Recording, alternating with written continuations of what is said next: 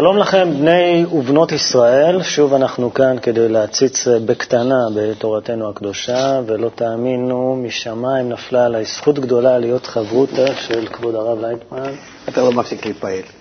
אין, התפעמות זה חשוב, כן. ככה מעריכים את המציאות. אבל אה, תודה שאתה מקדיש לי מזמנך. נעים לי. אנחנו בפרשת תולדות.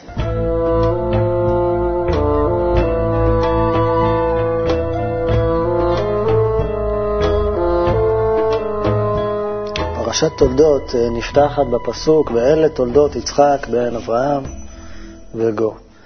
וזו אה, הפרשה היחידה בתורה שמוקדשת ל- ליצחק. יש שלוש פרשות ש- שמוקדשות לאברהם ו- ו- ושבע פרשות ליעקב, וליצחק רק פרשה אחת. תמיד יש לי הרגשה שהתנ"ך, התורה איכשהו מחביאה את יצחק. עקבו אותו. כן, קצת מחביאה אותו. למה, למה זה, זה תחושה נכונה? כי זה כוח שהוא שמאל, אנחנו מדברים על יצחק. שמייצג את כוח הגבורה. כן, כוח הגבורה, רצון גדול, שצריכים כל הזמן לחזק אותו, צריכים כל הזמן ל- אה, לספח לו כוח הימין, כי כל הזמן ההתקדמות שלנו על שני רגליים, ימין, שמאל, ימין, שמאל, ימין. קודם רצון לקבל, בראתי יצרה, אחר כך כוח החיובי, כוח ההשפעה, בראתי תורת תבלין, ואז על ידי האור, שזה תורה, עם הרצון, שזה מהות האדם, מגיעים לשילוב הנכון ולהתפתחות הנשמה. אז מה זה גבורה? איזה אספקט של האור אה, הגבורה מבטאת? גבורה זה רצון גדול, זה מה שעושה, זה דינים בעצם. זה דינים. זה מה שחותך, נותן גבולות, הגדרות. כן. חסד הוא יותר כמו מים, מתפשט נכון, כזה, ללא זורם. גבול. ללא גבול. והגבורה דווקא, שסופגת את החסד, היא נותנת התפתחות כמו קרקע. סופגת את המים, ואז היא ראויה אז. אז בעצם כשאומרים, נגיד, אהבה ללא גבולות, זה, זה, זה, לא ח- טוב. זה לא טוב. לא, מאוד הגבולות אפילו. מביאה לשנאה. הנה, אנחנו, אנחנו מדברים על אברהם, מידת החסד, אהבה, נתינה, ו- אבל אם לא שמים לו גבול, זה מה הופך. זה הופך להיות אסון. כן. לכן אה, דווקא התולדות זה מה שיוצא מהיצחק, על ידי היצחק. אתה אומר פרשה סך הכל אחת עליו, אבל הוא נותן את כל ההתפתחות, היצחק. בנוגע ליצחק, יש מושג ש... שנתקלתי בו, שהוא גם אה, בתורה מופיע וגם, אה, וגם באיזשהו ספר קבלה, שקוראים לו פחד יצחק. כן. מה זה, מה זה פחד יצחק? סוג מסוים של פחד שהיה ליצחק בזמן העקדה? כן, לא, לא, לא. זה פחד יצחק בחוכמת הקבלה, זה מסמל את הפחד האדם להשתמש ברצון שלו, רצון לקבל שלו, רצון שהאם הוא יכול להתגבר עליו ולהפוך אותו לצורת ההשפעה. זה, זה פחד לממש את הפוטנציאל של הבן אדם? כן, כי אני כולי כל הזמן חשבתי על עצמי, על עצמי, על עצמי, ועכשיו אני הגעתי למצב שאני רוצה להידמות לבורא, איך שהוא משפיע על האחרים, גם אני כך רוצה להיות, כי ואהבת רעך כמוך, זה בעצם החוק שלפי זה אני דומה לו, שאני בזה מתקרב עליו, וכל ההתפתחות שלנו, המטרה שלנו זה להגיע אליו, כמו שכתוב שוב בני ישראל עד השם אלוקיך. אנחנו צריכים להגיע בחיים האלו לדרגת האלוקים. זה נראה משהו שלא מציאותי, נראה אבל מוזר, גם אני לא יודע מה זה אלוקים, איך אני אמור להשתוות אליו? ייפתח לך ואתה תראה ואתה תדע. היום. נו, נקווה. צריכים לח... לקוות לזה יום-יום, כן? כל רגע ורגע צריכים לחכות למשיח. זה כוח שמושך אותנו מגשמיות לרוחניות, שאנחנו נראה ונפתח לנו הכל. זה נקרא משיח.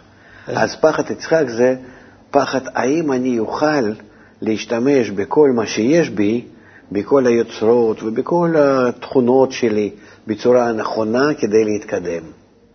אפשר להגיד שמרוב פחד אתה בסוף צוחק? אני מנסה להביא משמעות אה, מילולית קצת ל... או, זה אחרי שמגיעים למימוש. אז רואים שכל הדרך הזאת היא ממש צחוק. שלא היה לך כן. מה לפחד, היית צריך כן, לצחוק כל הדרך. נכון, זה כמו ילד שאומרים לו דוב בחוץ והוא מפחד, אבל בעצם רוצים ככה לשמור אותו, שלא לא יזיק לעצמו. אותו דבר כאן. אין לנו מה לפחד, אנחנו נמצאים בכוח העליון, אבל ביני לביני אנחנו בכל זאת נמצאים בפחד, האם אנחנו יכולים לממש את עצמנו נכון.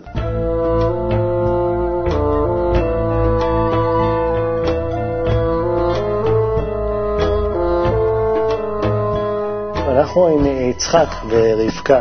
זו המשפחה היחידה, לא, לכל אורך התנ"ך אולי, שהם זוג בעל ואישה. Mm-hmm. זכר אחד ונקבה אחד. כל השאר זה אברהם, יש לו כמה נשים, יעקב, לא מדבר על דוד ושלמה, שזה, הם פתחו כן. מפעל. אבל... אה, אנחנו לא... נגיע לזה ואתה תראה עד כמה שזה נכון, כמה שזה מדובר לא על הכמויות של, של נשים, אלא מדובר על, על הגודל הרצון לקבל, שאז כוח הזה כמו דוד או שלמה היו יכולים לעכל אותו, היו יכולים לקחת אותו ולקדש אותו, זאת אומרת לעבוד עם הרצונות האלה הגדול, הגדולים להשפעה. תראה, גם יצחק ורבקה, לא היה לה ביניהם זוגיות אידיאלית. אה, התקשורת, לפי מה שאני קורא, לא היה ביניהם תקשורת כל כך טובה. בגלל הילדים? בגלל הילדים, בגלל ש... צריכים להבין כן. את זה. שני כוחות ש... שנמצאים קודם כל בתוך רבקה וכבר נאבקים, כן? נאבקים כשהיות בהיריון, כן. שני יעקב ועשו התאומים נאבקים בקרבה, אפילו קרבה, כן. אותיות רבקה, זה ממש בתוכה המאבק הזה. כן, והבורא אומר לה ששני ימים הגדולים יצאו ממך. שני ימים. בעצם הם כבר, הם נולדו. כן. ורבקה אוהבת את יעקב, ויצחק אוהב את עשו, יש איזה פיצול. זה, זה לפי, לפי קרבת הטבע. זאת אומרת שיצחק זה כף שמאל, שזה הרצון לקבל, ועשו זה קליפת שמאל. מה זה אומר קליפת שמאל? שיצחק זה משתמש ברצון לקבל, ברצון, כן? ועשו משתמש ברצון, באותו רצון, רק לעצמו. אוקיי. ולכן הם קרובים זה לזה בעצם, לפי ההבנה שצריכים להשתמש ברצון. רק יצחק נמצא, הטבע הזה בתוך האדם, או יצחק, שאפילו כאבא, הוא חושב שהבן שלו יתקן את עצמו ויהיה כמוהו, אבל צורת העבודה שלו מובנת לו, שהוא משתמש ברצון לקבל. מה שאם כן יעקב, הוא קטן, הוא יושב אוהל, כן, יצחק זה עובד... איש תם ויושב אוהלים, כן, כתוב עליו. נכון, והעשף הוא הרי כל הזמן בשדה.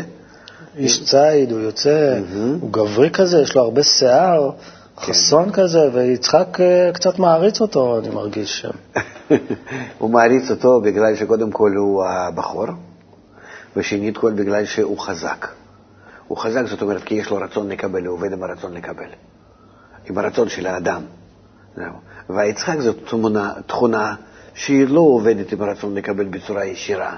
ולכן יש כאן עניין של שילוב כזה, שאחד משתמש בשני. יצחק הוא קצת מסתפק במואס, קצת, קצת נזירי בתחושה. כן. ועשו הוא אולי ראוותן, הוא רוצה לקבל לעצמו, אתה אומר, אתה קורא כן, לזה. כן, אבל הבעיה היא שעשו לא יכול להצליח לבד, גם כן. אתה רואה שהוא חוזר עייף מהשדה, ו... כן. ורעב, ורעב, ומוכן למכור את הכל. ולח... כדי, למכור... רק כדי למלא את עצמו. זאת אומרת, הוא לא יכול למצוא בשדה, הוא לא יכול למצוא בדרך ההתפתחות שלו, ברצון לקבל האגואיסטי, הוא רואה שהוא לא יכול למלא את עצמו. אז הוא אומר ליעקב, תן לי קצת מילוי. אפילו. שאני לא אהיה ראשון. זאת אומרת, שאני לא אשתמש, שאני לא אקבע את הדרך לפי התכונה שלי.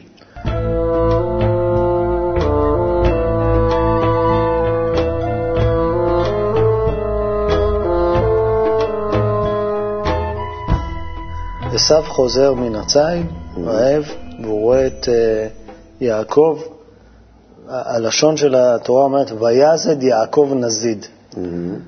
כשאתה שומע קצת את הזדון שיש ב"ויזד נזיד" הזה, שיעקב שם מתכנן מה שנקרא איזה קומבינה על עשו. כי הוא יודע, התכונה הזאת, אדם יודע שעל ידי התכונה הזאת שנקראת יעקב בו, שזה כבר להשפיע ולתת, חסר לה רק כוח, כוח הרצון שישתלב בה. יעקב זה לא מלשון עוקב, מלשון אה, מניפולציה. מניפולציה, ודאי שהוא צריך אנחנו יודעים לעשות. שאפילו בהיריון הוא תפס בעקבו שלו, הוא לא היה יוזם, הוא היה עוקב תמיד. נכון, כי כוח הקטן, כמו שישראל אומרים אחר כך, אתם קטנים, כן, אתם מעט, מעטים בין העמים, ואותו דבר יעקב.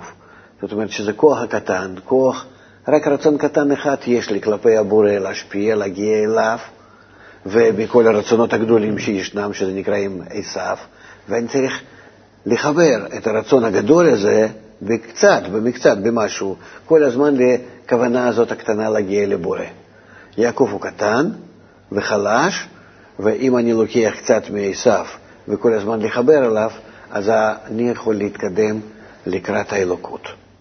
זה כאן כל השילוב, ובאמת שנראה לנו לפעמים שזה אה, איזה מין, אה, יש כאן אה, משחק לא יפה מצד יעקב.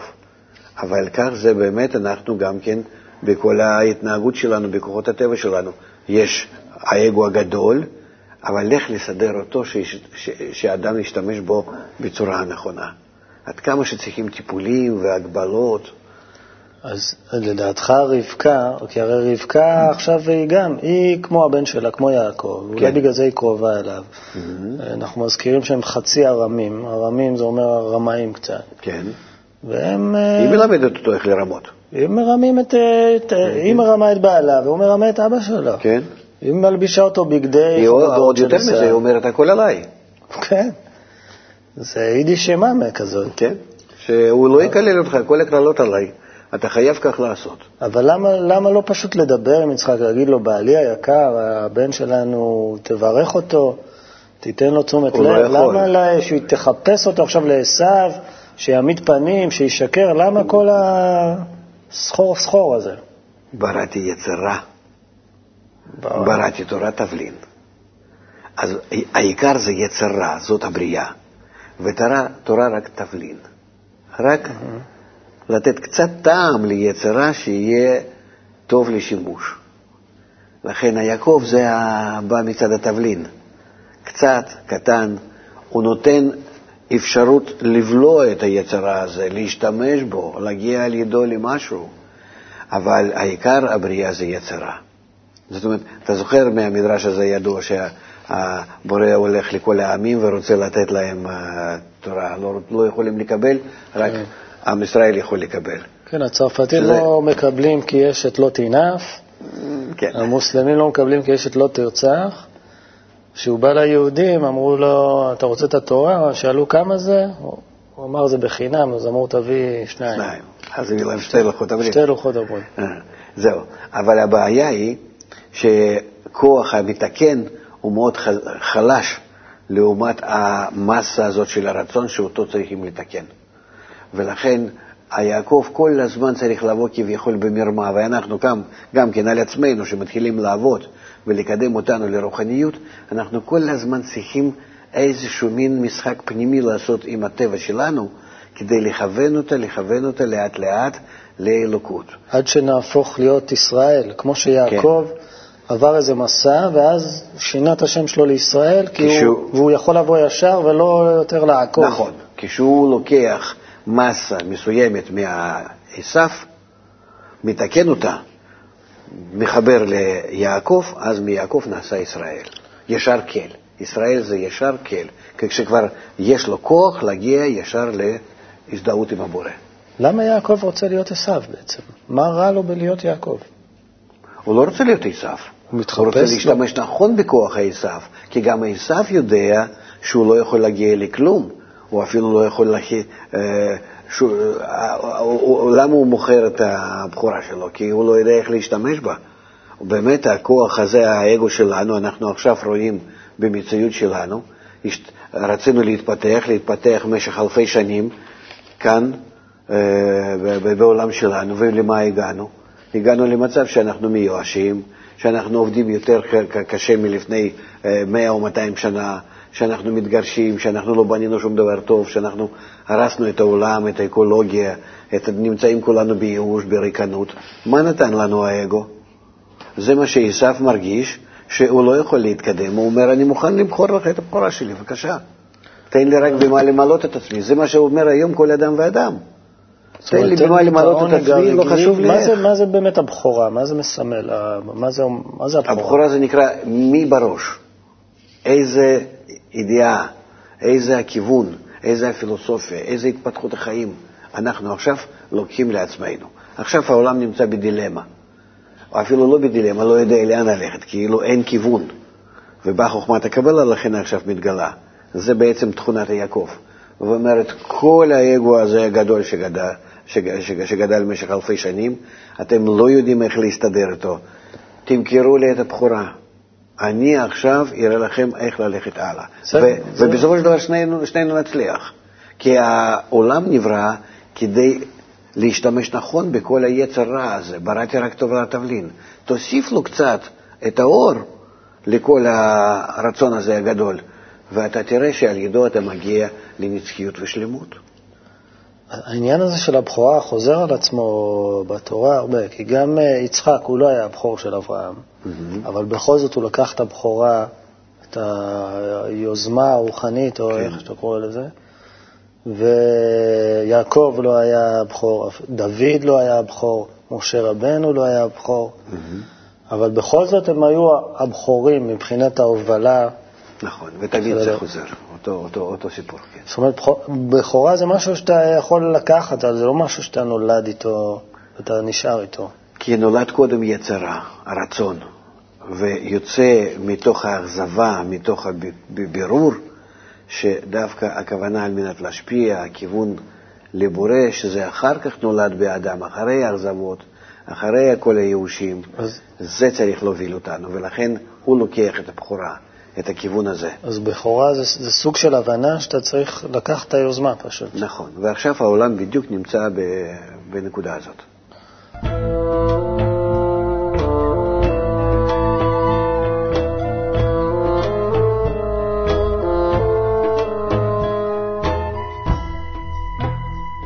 יצחק הזקן מחכה לעשו שיביא לו בשר ציד משובח, ונכנס לו הבן שלו, יעקב, הכל כל יעקב, הידיים ידי עשו, והוא מביא לו בשר עיזים, זה לא בשר ציד, זה משהו שרבקה בישלה. אני, יש לי חשד שיצחק ידע בדיוק מה קורה שם, והוא עשה כאילו הבן שלו עובד עליו, אבל הוא ידע. במשהו אתה צודק, כן. זאת אומרת, אדם רוצה לרמות את עצמו, את הטבע שלו המקורי, להתעלות מעל הטבע הזה וללכת בכיוון הנכון. רק הוא צריך משהו להסתיר בפנים, מעצמו. מהמם. אולי בגלל זה כתוב, ויהי כי זקן יצחק ותכהן עיניו מראות. כן. זאת אומרת, אנחנו יודעים בדרך כלל שאנשים זקנים, הראייה שלהם קצת יותר חלשה. למה? אבל טורחים להזכיר לנו את זה. אולי הראייה שלו הפנימית או נחלשה, או שהוא הסתיר את... הוא- הוא לא רצה לראות, כמו שאתה אומר. יכולת להסתיר.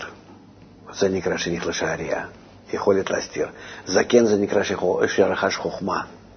מתוך זה שיש לו חוכמה, הוא יודע על מה כן לראות ומה לא לראות, ואיך לשלב נכון את הדברים האלה. אמנם שהוא בעצמו לא שייך למדרגה הזאת של התקדמות בצורת, בצורת היעקב, אבל מה שהוא מסוגל לתת לזה, הוא הכל נותן. ולכן מקבל את התבשיל שרבקה בישלה, והריח יפה, זאת אומרת ש... שהוא... שבאיזשהו אופן הוא אומר, אוקיי, יעקב עכשיו נכנס ולא עשו, אבל אני הולך עם זה. אני מסתיר מעצמי את האמת בשביל ההתפתחות. כן, הוא, הוא, הוא ב, בהכרה, בהבנה. אז הוא, הברכה שהוא מברך אותו, שהוא היה אמור לברך את עשו, הוא בירך את יעקב. מה אגב כל כך חשוב בברכה הזאת? בברכה זאת אומרת, מי יקבע עכשיו ההתפתחות האדם? זה אדם אחד שקוראים לו גיל קופץ', כן. שנמצאים בו תכונות אברהם ויצחק ויעקב ושרה ורבקה. אה, כן. אז מי יגבר בי, היצחק או העשו שבי? אז עכשיו אתה צריך להחליט. וכשאתה מחליט, אתה, אתה עכשיו מחליט מה להסתיר ומה לא, כדי להתקב... להתפתח למטרת הבריאה. אז עשו... אני, אני הייתי דבוק באלוקות, אני התגלגלתי לעולם הזה, כאן נפרדנו, כן? האלוקים למעלה, אני למטה, עכשיו אני צריך לעלות חזרה אליו. לעלות זה נקרא לשפר את התכונות שלי. זאת אומרת, להעמיד כל האגו שלי למען ההשפעה, למען האהבה, כמו תכונת הבורא. Mm-hmm. אז עכשיו אתה עושה חשבונות עם כל מה שיש לך, עם כל הרצונות, איך אתה יכול איתם לנהל את הכיוון. ואז אתה מתחיל להרגיש שהעשו שבך, גם הוא משתתף בתוך כל הדיון הזה, הפנימי. עשו נותנים לו הרבה כבוד, חז"ל, למרות כן? שהוא כיבד מאוד את אביו. ולא שרימו אותו ממש, אלא הלך בעצמו, רגע, הפעם הראשונה, הוא בעצמו אמר, קח את הבכורה. כן, הוא בעצמו ויתר על הבכורה. כן. תמורת מה כאילו? הוא, הוא הבין שמילוי לא יהיה לו, אם הוא, אם, אם הוא לבד ישתמש בתכונה שלו. מה זאת אומרת? לא הבנתי. כי הרצון לקבל לא יכול למלא את עצמו. תראה, אתה עכשיו שותה. נכון. נכון, כן? רצית לפני זה לשתות. לקחת לגימה, כבר אתה לא רוצה. רוצה עוד אה, לגימה אחת. עוד נגיד, עוד כמה. אתה בזה הורס את הרצון. אני כבר לא רוצה לשתות. זהו. אז מה יוצא? רצית קודם, בזמן שאתה שותה אתה נהנית קצת, נכון. ואחר כך הפסקת ליהנות. ועכשיו, כדי להרגיש שאתה חי, אתה צריך, אתה צריך שוב משהו לרצות. ומשהו הזה שאתה רוצה, למלות. ושוב לרגע אחד, ושוב אתה נשאר ריק. אז החיים זה אנחנו... רצון ומילוי, רצון ומילוי, רצון ומילוי. ריצה. כל הזמן אנחנו בריצה. ולכן הוא מבין שמתוך זה לא יכול להיות לו חיים. זה תכונת עשיו. כל זה עשיו מבין? חשבתי שהוא לא כזה פילוסוף. הוא פילוסוף גדול מאוד, הוא בן של יצחק. זה כוח גדול מאוד וחכם גדול. כל החוכמה בעצם נמצאת בתוך הרצון הזה לקבל. כל מה שאנחנו רכשנו עכשיו במשך כל ההתפתחות, זה, והגענו היום כאילו לייאוש הטוטלי, שאנחנו לא מסוגלים, ואני כבר ריק ואני לא רוצה כלום, ונמצא רק בדיכאון. זה הכל תכונות עשיו. למה התורה מתארת בפירוט יחסית את עשיו, איך הוא נראה, עם אה, שיער, אדמוני? נו, שיער זה ממילה סוער ו... אבל על יעקב הם לא אומרים איך הוא נראה. לא. יעקב אין לו שערות, אין לו, הוא לא סוער, אין לו מספיק רצון. מה זאת אומרת שיער זה סוער? אני לא מבין את זה. נו, זה בזוהר לימוד גדול. תן לי, זה קטנה. שערה שבאה מתוך הגומה ויש לבן סביב השערה מאיפה שהיא אה, צומחת, והשערות זה מילה סוער שרוצה ולא מקבל מה שהוא רוצה ולא יכול אה, למלות את עצמו. כל זה, זה, מזה באים כל השערות שלנו. י"ג תיקוני דיקנה, וכל הפאות, וכל הזקן. שערות זה סמל לחוסר סיפוק תמידי? זה, זה סמל לחוסר, ולכן יש תיקונים מיוחדים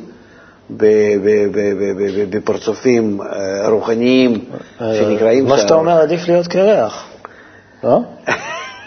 מאשר שיהיה לך הרבה שיער. בסדר. אוקיי, כן. אני גם חושב ככה, אגב. אתה חוסך גם בשמפו וקונדישנר.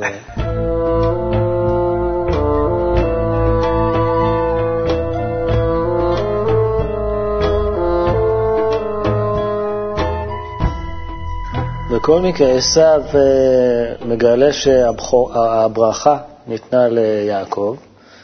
שהוא נתן את היכולת, ש... וזה הוא נתן אוקיי. ואז יעקב כביכול, כן. כן. ואז יעקב אחרי זה המשיך. אז וגם, וגם רבקה עזרה לו. כן. זאת אומרת, יש כאן סיפור שלפני זה כביכול הוא אמר כך. זאת אומרת, אי אפשר להגיד שהוא הגיע, האדם מגיע למצב ש... אין לי בכל זאת משהו, אין לי מרצון לקבל שלי, מהאגו שלי, שום תועלת. מה לעשות? אבל עדיין שהוא מגלה שהברכה ניתנה ליעקב, ויצעק כתוב, ויצעק צעקה גדולה ומרה, ויישא עשיו קולו, ויבכה. נכון, כי אז הוא לא מבין, כי זה כוח שעובד רק מצד אחד, רק בלקבל. הוא לא מבין שאם הוא ישתלב, שהוא יתחבר יחד עם כוח המשפיע, בסופו של דבר הם ירוויחו. אבל זה דרך ארוכה. אנחנו רואים שקודם יעקב מתפתח, מגיע לישראל, עולים לדרגת בית המקדש, נשברים, מגיעים לגלות, בסוף הגלות מתחילים להתחבר עם ישראל עם כל אומות העולם, ואז מגיעים יחד לתיקון. זאת אומרת, עכשיו, בזמננו, אנחנו צריכים להגיע לדרגת יעקב, קודם כל אנחנו. אנחנו ליעקב? כן, ואז אנחנו מתחברים עם אומות העולם, שזה דרגת העשף, ואז אנחנו מגיעים יחד לגמר התיקון. במהרה... אבל דרך ארוכה הזאת, היא לא מאפשרת לתכונה הזאת של עשף באדם לראות את ההתפתחות, ולכן כשהוא שומע על, ה, על הברכה שקיבל יעקב, זה בשבילו בהחלט כאילו שהוא כבר לא נמצא בכלל בכל הדרך הרוחנית הזאת. בכל מקרה, על פניו, עשיו מסמל את אה, האדומים, הרומאים, כל התרבויות, אירופה, mm-hmm. שבמשך אלפיים שנה הקיזו את דמנו. כן. אומרים, בגלל הבכי הזה שהוא בכה, שגנבו לו את הברכה, אנחנו סבלנו אלפיים שנה. זה פרופורציונלי. אנחנו סבלנו אלפיים שנה, אה, נכון, אבל יש כאן התפתחות שאנחנו לא היינו יכולים לעקוף אותה. אנחנו היינו צריכים לעלות לדרגת בית המקדש, גם ראשון וגם שני, לצאת לארבע גלויות, לפי הי"ק ו"ק. הכל מתוכנן מראש. הכל מתוכנן מראש, כמו שכתוב בזוהר, שבסוף במאה ה-20, אז מתחיל, מתחילה חומת הקבלה להתגלות, כדי שאנחנו נשתמש במאור המחזיר למוטב שבה, ואז נתקן את עצמנו וגם את עשיו. לעניין הברכה, מה, מה המשמעות של ברכה? אתה מברך מישהו. זה כוח הרוחני, כוח העליון שמגיע לאדם ומתקן אותו, ועושה אותו הראוי לתפקידו. אז בעצם איזשהו, איזשהו נבואה לממש את הפוטנציאל של בן אדם? לא, זה לא יותר מנבואה, זה כוח. יש כוח במילים של הברכה. שאדם מגלה כוח שאיתו עכשיו כן. אני הולך ברחוב, רואה את השכנה שלי, אומר לה, בוקר טוב, שושנה. בירכתי אותה לבוקר טוב. אני מוריד עליה אנרגיה של טובה של... גם, גם יש בזה משהו, שאם אתה באמת חושב עליה טוב, אז אתה נותן לה יותר חיות ויותר אנרגיה. הבעיה שלנו, שכמו שבעצם מובן לנו מכל המערכת הזאת, שהקלקול הגדול שאנחנו עושים, זה לא שאנחנו שורפים נפט, ומחלחלכים בעולם, הקלקול הכי גדול בעולם שאנחנו עושים בגלל שהמחשבות שלנו, הרצונות שלנו לא טובים. שאנחנו שונאים זה את זה.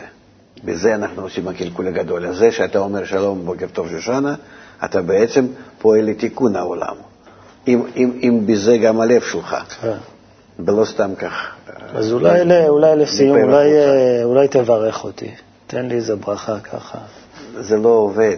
לא עובד ככה. זאת אומרת, זה, זה מרבה, כן, האווירה הכללית בעולם, אבל תיקון באמת, אדם צריך למשוך לעצמו, המאור מחזיר למוטב, לתקן את עצמו, זו הברכה, שאתה מקבל כוח מלמעלה, ואתה יודע בעצמך איך להשתתף. אז, אז אתה אומר שברכה היא באה מלמעלה, לאו דווקא מ... ברכה זה כוח. כוח שאיתו אתה עובד, איתו אתה פועל. טוב, תודה רבה. בהצלחה, גיל, תצליח.